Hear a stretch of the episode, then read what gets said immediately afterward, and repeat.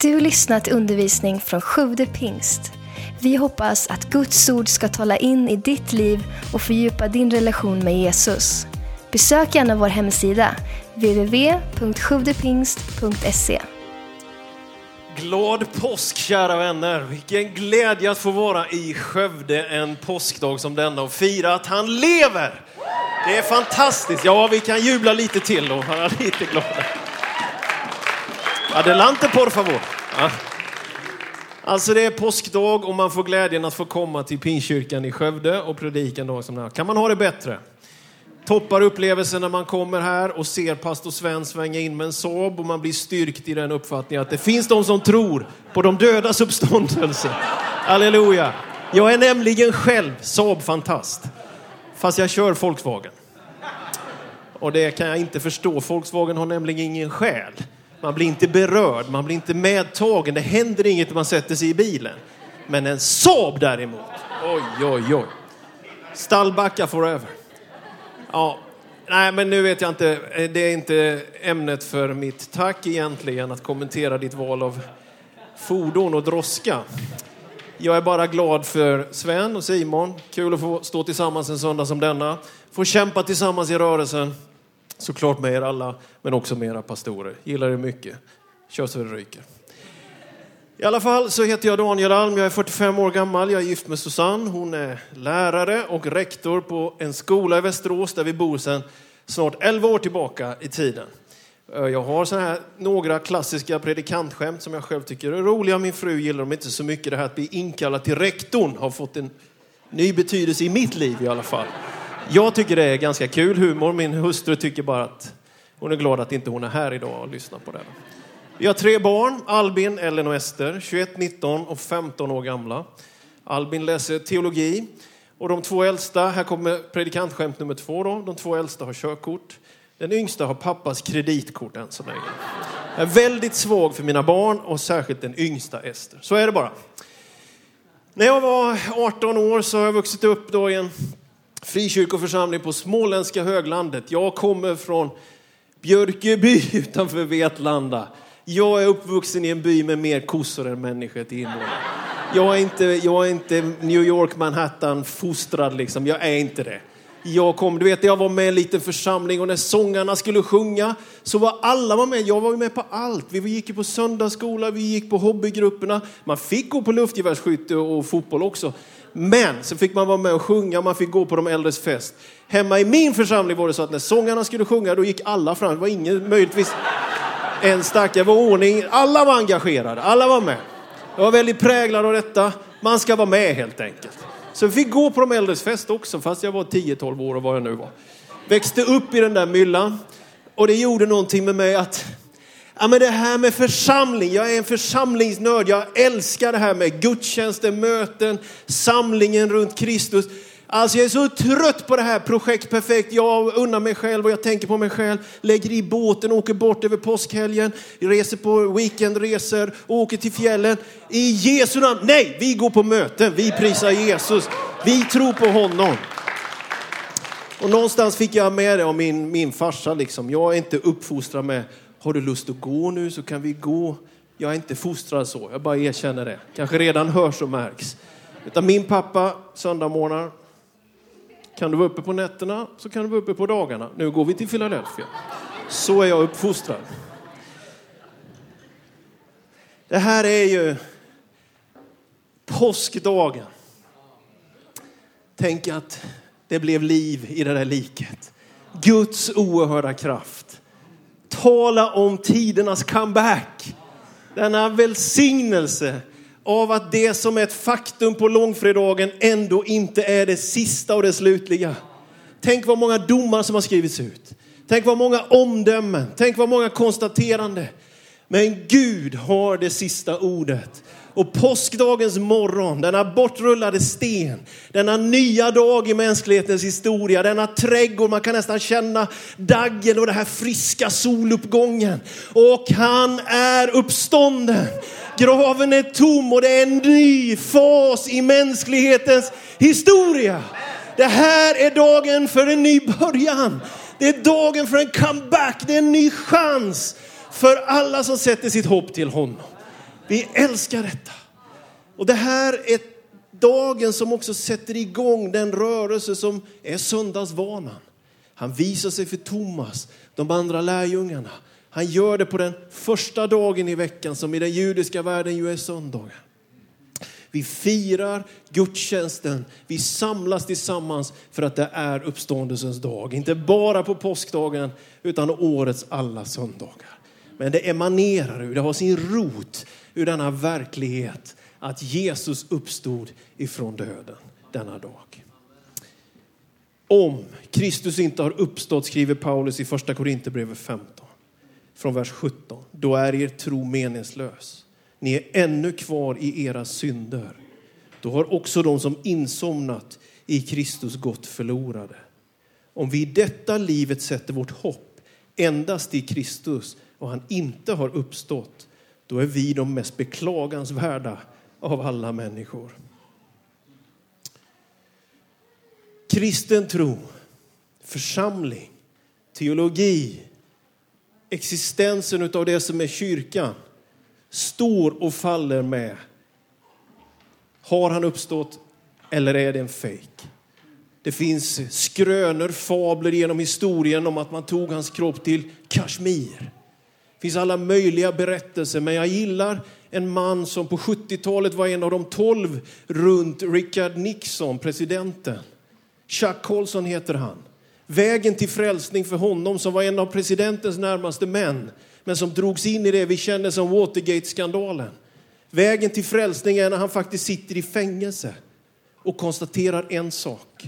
Vi, de tolv smartaste i USA, typ, presidentens närmaste män, vi kunde inte kapsla in en lögn.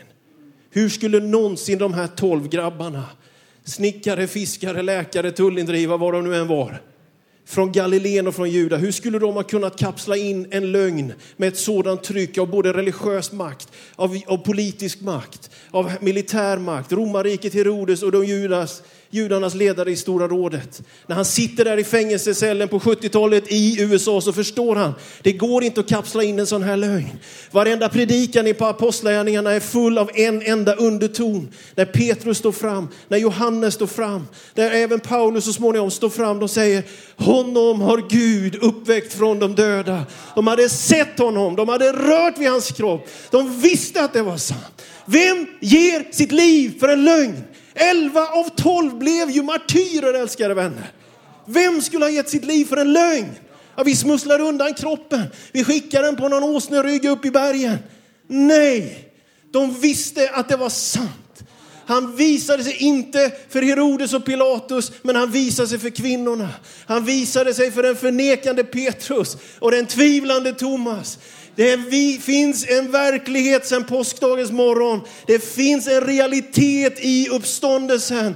Den är märkt genom historien och den första kyrkans villighet att ge sitt eget liv som martyrer in i det för att de hade sett honom och vad blir värt någonting annat än när man har mött en levande uppstående frälsare. Han lever. Vi kan tro på det på goda grunder. Erfarenheten i den tidiga församlingen bevisar att man gav sitt liv för en verklig realitet. Och Paulus skriver i vers 20, nu har Kristus uppstått från de döda som förstlingen av de insomnade. Eftersom döden kom genom en människa så kom också de dödas uppståndelse genom en människa. Liksom i Adam alla dör så ska också i Kristus alla göras levande. Tänk dig ett timglas framför din blick. Tänk dig att den smalaste punkten är korset och uppståndelsen. Tänker du dig timglaset och så går det ner mot det smalaste och expanderar igen. Där har du egentligen hela den bibliska historien förklarad i en bild. Gud som i trädgården sätter de första människorna som vi tror har existerat, eller hur? Adam and Eve. Han skapar oss och tänker sig en mänsklighet för relation, för kärlek, för gemenskap, för goda syften. Det är den trädgården. Så bryts det genom den grundskada som tillfogas när människan missbrukar sin fria vilja, gör detta uppror och ifrågasätter vad Gud har sagt. Hur Gud smalnar av hela tiden genom historien den helige ande kommer över en profet. Han väljer ut Abraham och skapar ett förbundsfolk. Och ur detta folk genom en knackig historia, ungefär som han sätter kläder på Adam när han får lämna Edens lustgård. Tänk att Gud, trots vårt brott, trots våra svek, trots att det inte finns någon verklig frälsning just då, så bryr sig Gud ändå om Adam och Eva. Trots att de har gjort uppror så är hans barmhärtighet existerande redan i det läget. Redan då är korset planerat, älskade vänner. Redan då har Gud en tanke och en plan. Och han ger Adam och Eva lite kläder. Han ger mänskligheten lagen, han ger någon slags stödfunktion för att hanka sig fram. Men den smalaste punkten på timglaset är när Guds egen son blir människa bär allt utav den tyngden av synden, av det förvridna, av det korrumperade, av det ruttna upp på korsets trä. Så att hans kärlek räcker till dem, till och med, som driver spikarna genom hans kropp. Att han är den, för att citera Thomas Tranström, hur det är så bor jag i Västerås. Han kommer därifrån. Är den enda som kan se allt och alla utan att hata. Golgata kors berättar för oss om en Gud som griper in. Korset är ingen stege för religiöst orienterade människor att klättra upp till Gud. Nej, korset är Guds egen väg att komma till dig. Att rätta till, att upprätta, att förbarma sig. Hela Guds kärlekshjärta är öppet på Golgata. När Jesus ensam, timglasets smalaste punkt, Tillvaron liksom balanseras så som på en knappnåls huvud. Och vi vet att kampen är verklig. Vi vet att han ber bägaren gå förbi honom när han är i ett semane i den trädgården. Vi vet att det är en verklig fight också om Jesu överlåtelse in i detta. Det är inte någonting som på det sättet är självklart. Men han ser på andra sidan dig och mig. Han ser längtande efter att en dag få ge frälsning och upprätta. Där vänder världshistorien. De tolv, det blir de 120 i den övre salen. Eller om vi hade läst lite tidigare i det här kapitlet, första Korinthierbrevet 15, det stora uppståndelsekapitlet, så hade vi kunnat läsa om hur Jesus uppenbarar sig för 500 bröder. De blir 3000 på pingstdagen. Och vet du, bara världen över idag i det vi kallar den pentekostala rörelsen så finns det 6 till 700 miljoner människor som tror på Jesus ungefär som vi gör här i Pingstkyrkan i Skövde. Det växer, det är en ungdomlig rörelse, den är energisk, den sprider sig, den planterar nya församlingar hela tiden. Och den har bara detta enkla budskap fylld av den helige andes kraft att berätta om det viktigaste, det allra viktigaste som också står här i första Korinthierbrevet 15 och Paulus säger, jag har meddelat er det jag själv har varit emot. Jag har tagit emot det allra viktigaste, att Kristus dog för våra synder enligt skrifterna. Att han blev begravd, men att han uppstod på tredje dagen enligt skrifterna. I september så fick jag åka till Sao Paulo, och vara med på det som heter världspinstkonferensen. De ledarna som var närvarande där, de representerar tillsammans omkring 100 miljoner människor. Av de här 600-700 så var ledare för 100 miljoner där. Och när man kommer från Sverige lite blek och vänsterhänt som jag är, så kände man sig, jag var lillkillen, jag var verkligen lillkillen. Men de släppte in mig i de där olika rummen. Ja, i alla fall så var det en där, den ena efter den andra stor. Vem som är nu pastor och vem som är evangeliten, det vet inte jag egentligen, men det var väldigt stora gubbar där liksom. Ja, och de släppte in mig i några rum och jag fick hälsa på dem där lite hit och dit. Och en av dem förstår du, han hade en personlig fotograf, han hade ett personligt kamerateam, han hade fyra personliga assistenter när han kom in i rummet. Och man kände, hjälp den där, han viker inte sina kalsonger själv ens en gång. Driver enorma verksamheter, har 850 000 medlemmar i sin församling och ledare för en rörelse. Och man förstår, oj, oj, oj, det här är ju någon slags det är ju det är något helt annat än vad vi är vana vid i skandinavisk kontext. Det är något helt annat, Latinamerika, Afrika och det här fallet Asien. Men när den här store, vem som nu är det, vi är väl alla bara tjänare till Jesus hoppas jag. Vi är väl alla bara de som vill tjäna honom och älska församlingen. Men när han kommer fram i talarstolen där, i den här arenan och i det här formatet, så beundrar jag, berörs utav att det är så otroligt enkel förkunnelse. Han säger till oss, be om den helige andes uppfyllelse. Vittna om Jesus Kristus. Starta nya församlingar och tjäna i församlingen. Och så börjar det om igen. Och jag tänker när jag sitter där och lyssnar att han fångar det som är den globala pingströrelsens verkliga, verkliga nerv. Det är inte ett karismatiskt krumbuktande. Det är inte ett lovprisande av någon särskild människa. Utan det är fylld av den helige andes kraft. Och ut på gator och gränder och vinna en människa för Jesus Kristus. Och kavla upp armarna och vara en del av den rörelse som innan dess att Jesus kommer tillbaka har vunnit så många som möjligt för honom. Det är pingströrelsen. Kraft genom den heliga ande för att orka älska en människa till och föra den till Jesus Kristus. Då är vår rörelse sund. Då är den frisk. Då är den levande. Och jag älskar det där. Jag älskar det där. Pingströrelsen i Sverige som det står om här då, att han, Jesus den uppstående visade sig för 500. Och så skriver han där, varav endast några få är insomnade. Tycker att det stämmer rätt bra med pingströrelsen i Sverige. Det där. Vi har 440, vi har 440 församlingar som tillhör vår rörelse, endast några få är insomnade. Eh, du vet McDonalds, va? de har lyckats få ihop 220 församlingar, eller inte församlingar. Nu är jag predikosjuk riktigt här. Det finns 220 McDonalds-restauranger i det här landet. Och det finns 440 pingkyrkor. Jag tycker att menyn är bättre i pingkyrkan i alla fall. Jag har inget emot Donken, absolut inte. Det är inte så jag menar. Men det har funnits något över vår rörelse det den är född med är inte institution, utan det är rörelse. Det är inte att analysera och försöka fatta och kunna allting. Du vet pingstvänner, riktiga pingstvänner, de älskar Bibeln mer än de fattar den.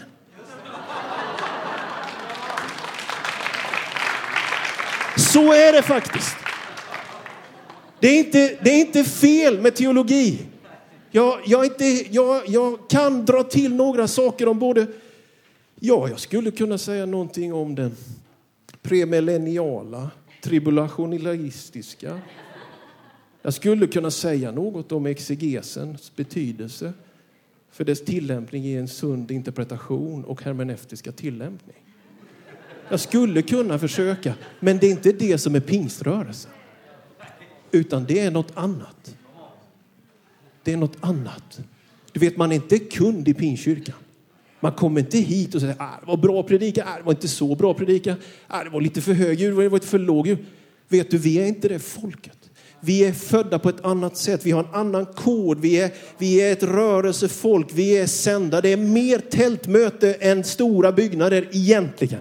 Inte, nu, nu är inte det här ett slag för tältmöte. Det här är ett slag för rörelse. Slag för liksom att vara på väg, att inte vara klar, att inte vara fastlåst, rigid, moralisk liksom i betydelse moraliserande, frånstötande och dömande. Utan pingstväckelsens DNA, fylld av den helige andes kraft, vill vara i rörelse för att nå en till med evangeliets budskap. Det är det som är vi. Du vet när vi ska bli institution, det är något bedrövligt. Och när det blir tyst i en pingstkyrka, jag brukar runa äldrebo, det finns ingenstans i världen det är så tyst som när det är tyst i en pingstkyrka. Jag är inte emot skrivna böner, kontemplation och reflektion. Det behövs. Men jag tror att vi är födda sen pingstdagen med en ton som är att det som var tyst nu säger någonting. Det som satt still nu rör sig. Det som var inlåst nu blir utåtriktat. Det är någonting i det som vi inte ändå får förlora.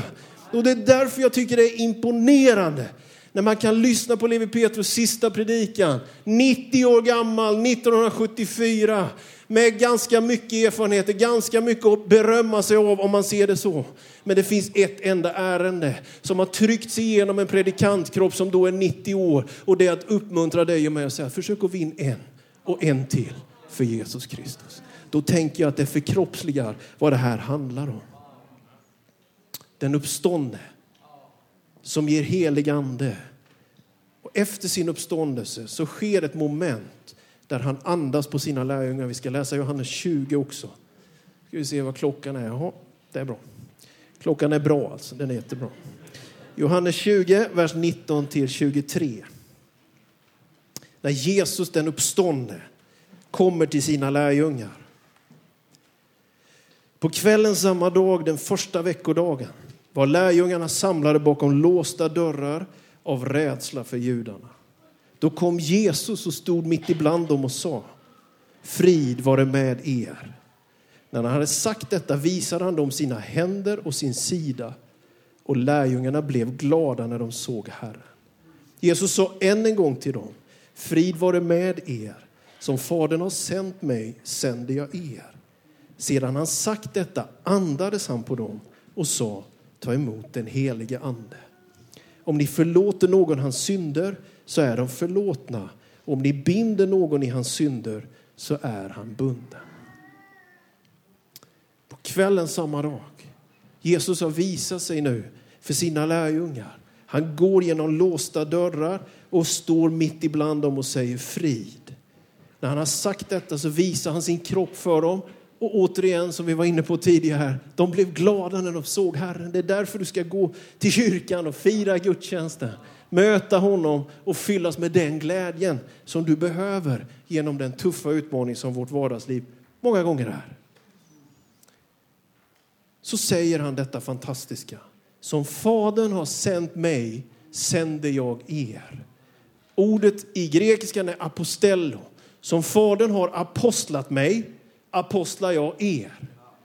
Det är exakt denna rörelse, denna pingströrelse. Jag pratar inte om samfund. Säg pingst FFS med löständer den som kan. Alltså det, det, är inte det viktigaste för mig. Jag älskar pingströrelsen i Sverige. Jag är helt subjektiv, partisk och har inget vidvinkelseende. Jag älskar pingströrelsen. Så är det med mig. Men jag inser att det här pingstväckelsen är större än pingströrelsen.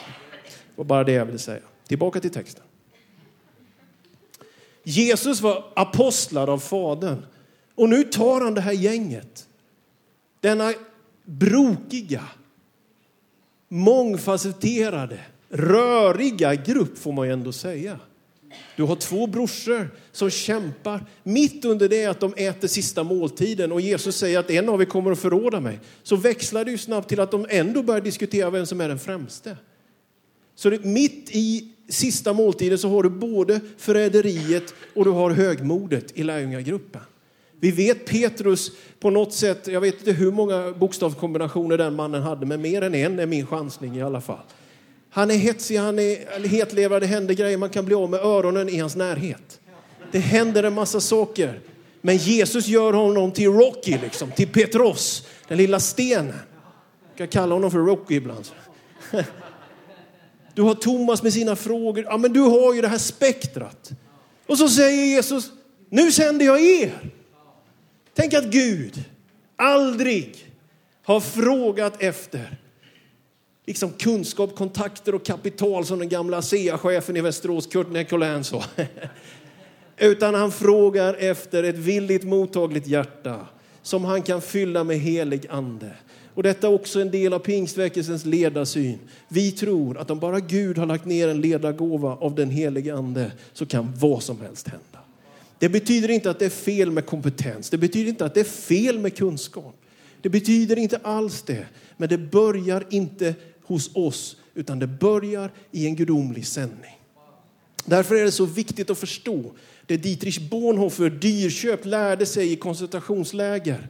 Han som dog bara en månad innan freden 1945. Den är tysk-lutherske präst som har skrivit en del av kyrkans verkliga, verkliga guldböcker. En av dem heter Liv i gemenskap. Han skriver i den boken att den som älskar sin egen vision av församlingen mer än församlingens gemenskap i sig kommer till slut att förgöra församlingen. Vet du om du hängde med? Men du vet när man börjar älska sin egen kunskap, börjar älska sin egen vision, sin egen uppfattning, hur det borde vara, hur de skulle göra, hur jag, varför syns inte jag med? Varför kom... Vet du, den som älskar sin egen vision av församlingen mer än församlingen så som den är skapad av Gud kommer att bidra till att den förstörs. Vi behöver komma in i någonting som hände när till exempel Simon blev en Petrus. När han gick från en egensinnig småföretagare från Betsaida till en överlåten av Jesu Kristi apostel som inte hade något längre att försvara, inget att förklara, ingen prestige att odla, ingen position att hålla sig fast vid, utan bara ett tjänarhjärta. Och om det här landet ska förändras så går inte det med en publikkyrka. Det går inte med ledare som är det på grund av sin kompetens och sin förmåga att retoriskt lägga fram någonting. Utan det går bara med andefylld kristendom. Det går bara med människor som är kallade av Gud till heligt uppdrag. Och det har kännetecknat vår rörelse att vi inte kvoterar, röstar fram, tycker oss fram, utan vi vill ta emot den Herren reser upp. Och Jesus, han andades på sina lärjungar, han andas på dig. Det finns inga undantag, han ger helig ande åt alla sina barn. Inga styrbarn och inga kelgrisar heller för den delen. Helig ande åt alla. Som Fadern sände mig, nu sänder jag er. Jag satsar på er. Inte för allt ni kan. Inte för alla kontakter. Utan för att ni är kärl, mottagare, tempel, vad du vill. Kroppen åt honom. Där Gud låter sin frälsning komma till den här världen. Församlingen är för fin för att den ska fläckas ner av Daniel Alms vision. Församlingen är för dyrbar för att den ska korrumperas av kyrkopolitiskt schackspelande. Du vet, jag kan en del sånt där. Jag har sett en del. Jag skulle kunna göra vissa saker. Det tror jag faktiskt. Helt dum är jag inte. Men jag har bestämt mig för en sak. Att gräva i andra brunnar än de brunnarna. Vad är position? Ingenting. Men att få se det här landet på knä för Jesus Kristus. Att få se nya församlingar etableras, att få se existerande församlingar revitaliseras. Att få se att vi på nytt igen börjar ösa ur andens djupa källa. Som inte gör oss till åskådare, publik och kunder i Pingkyrkan. Utan till överlåtna tjänare och tjänarinnor som förstår vi är sända. Vi har ett uppdrag. Gud har en mission med oss. Du vet, postmodernismen får jag en liten samtidsanalys. Nu är det värre med klockan här. Jag kör på några minuter till. Förlåt mig Sven. Jag kör lite till. Jag brukar skoja och säga så här, det är med postmodernismen som med Postnord. Det levererar ingenting. Jobbar nu någon här på Postnord så väl, vi, kan, vi reder ut det efter sen.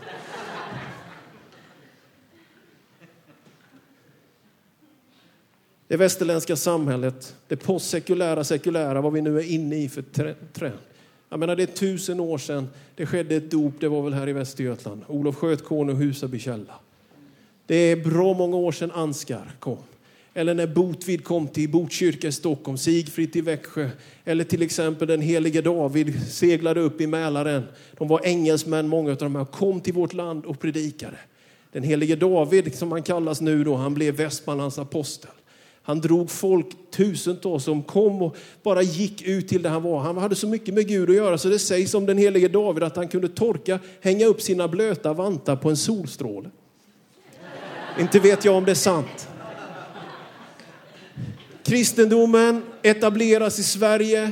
Den blir statsreligion. Vi kommer fram i reformationen. Det finns två bröder från Örebro höll jag på att säga, jag är inte helt säker på men jag tror det. Lars och Olof och de får byta namn till lite mer frommare så de får heta Laurentius och Olaus Petri och de blir Martin Luthers härförare på svensk mark. Reformationen är ett faktum. Sverige går över till detta. Så kommer väckelserörelserna, pietismen, så kommer baptismen, frikyrkorörelsen och så är vi framme ganska snabba svep här till 2017. Svenska kyrkan är skild från staten.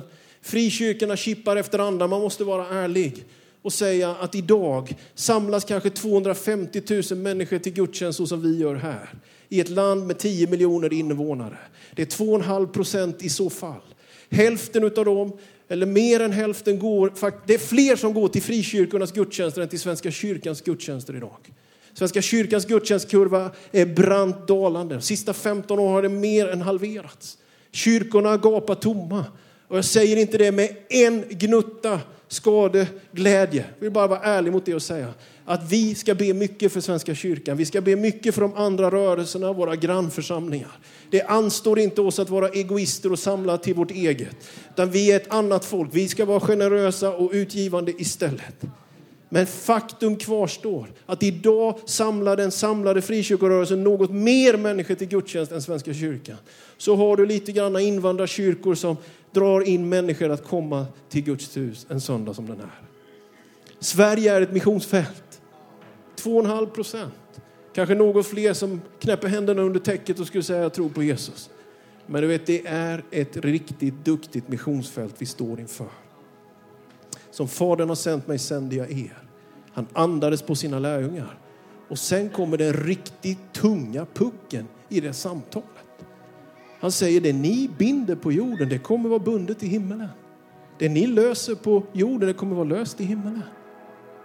Så du vet, det vi gör nu får genklang i evigheten. Finns det någon som vill att någon ska bli frälst? Vill pingströrelsen i Sverige att människor ska bli frälsta? Är det på riktigt angeläget? Är det allvarligt? Tror vi att den verksamhet den här församlingen bedriver får genklang i evigheten? Jag tror det. Som Fadern har sänt mig sänder jag er. Vi är sända. Det är ett uppdrag som vi inte är ensamma i. Han andas som säger ta emot helig ande. Men det är ju allvarligt på riktigt. Men den kraften som verkar i Jesu kropp på påskdagens morgon, det är samma oerhörda kraft, så skriver Paulus i Efesierbrevet 1, som han lät verka i Kristus. Den verkar också i dig. Den verkar i församlingen. Han som är huvudet för sin kropp, han som är begynnelsen, den förstfödde från de döda för att han i allt skulle vara den främste, Kolosserbrevet 1. Han är huvudet, han som lever. Han är kroppens livgivare genom sin helige ande. Påskdagen är tidernas comeback. Sveriges tusenåriga kristna historia. Nu, vad ska hända nu? Vad är vårt gensvar?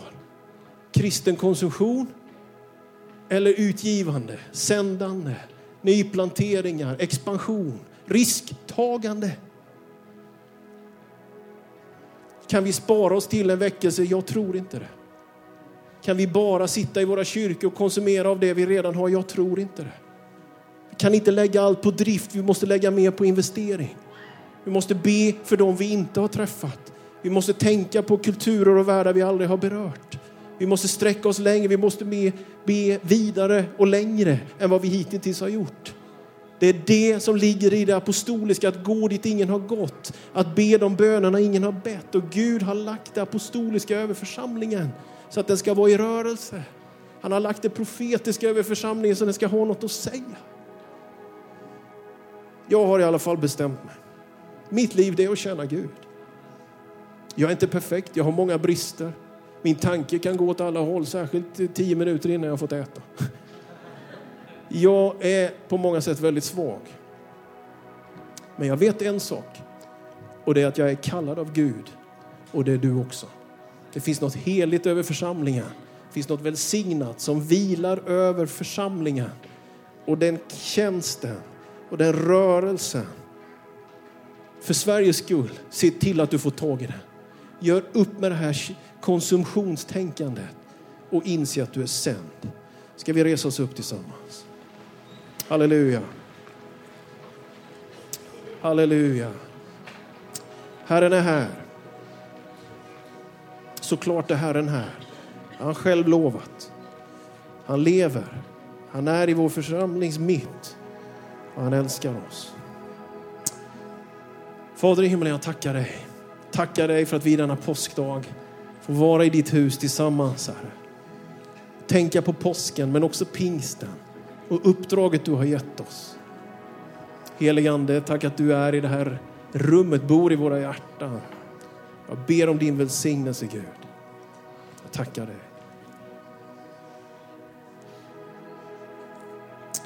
De här tillfällena de är viktiga och därför så får vi inte förspilla tillfället att ställa lite frågor som du kan få respondera på. Det tillhör vår, vårt DNA liksom att faktiskt fråga efter en respons och ett gensvar.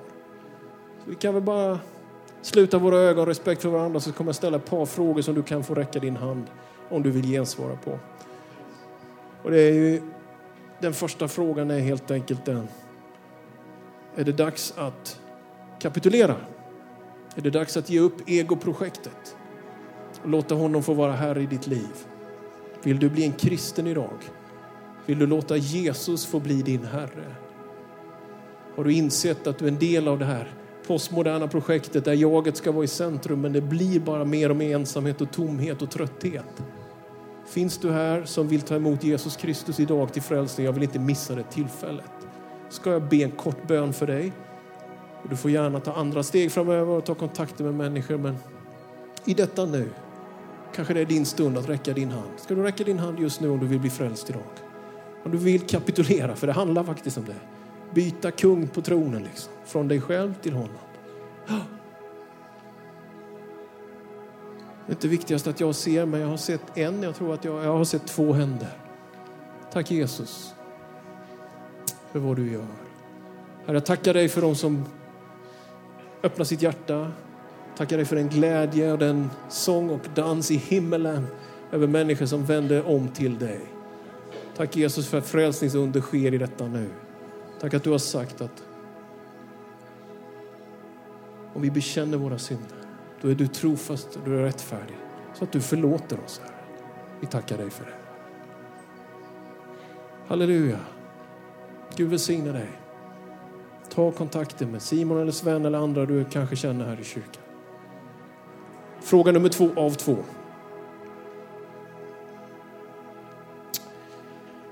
Nej, men det är väl... Vill du sätta agendan själv eller vill du förnyas i detta? Jag är sänd till den här världen. Den församling jag tillhör är sänd. Jag inser att jag är en del i någonting som är mycket större än min egen agenda. Mycket, mycket mer än min egen uppfattning. Vi har alla egna uppfattningar. Oj, oj, oj. Det är inget fel. Men det är fel om det är det som är det vi tillber och låter vara måttstocken.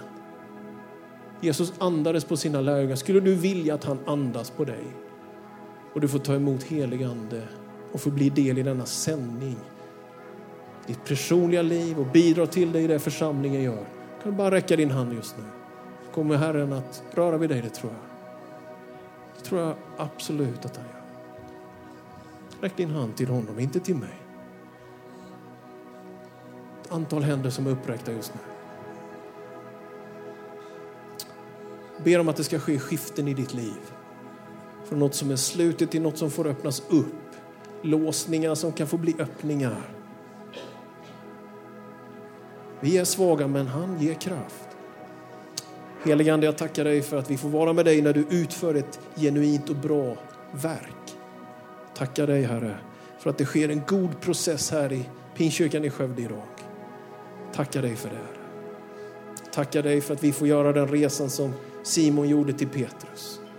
Vi får ta de där skiftena och stegen också vi. Att ge oss till ett större sammanhang. Att överlåta oss till en högre vision än vår egen. Tack Jesus.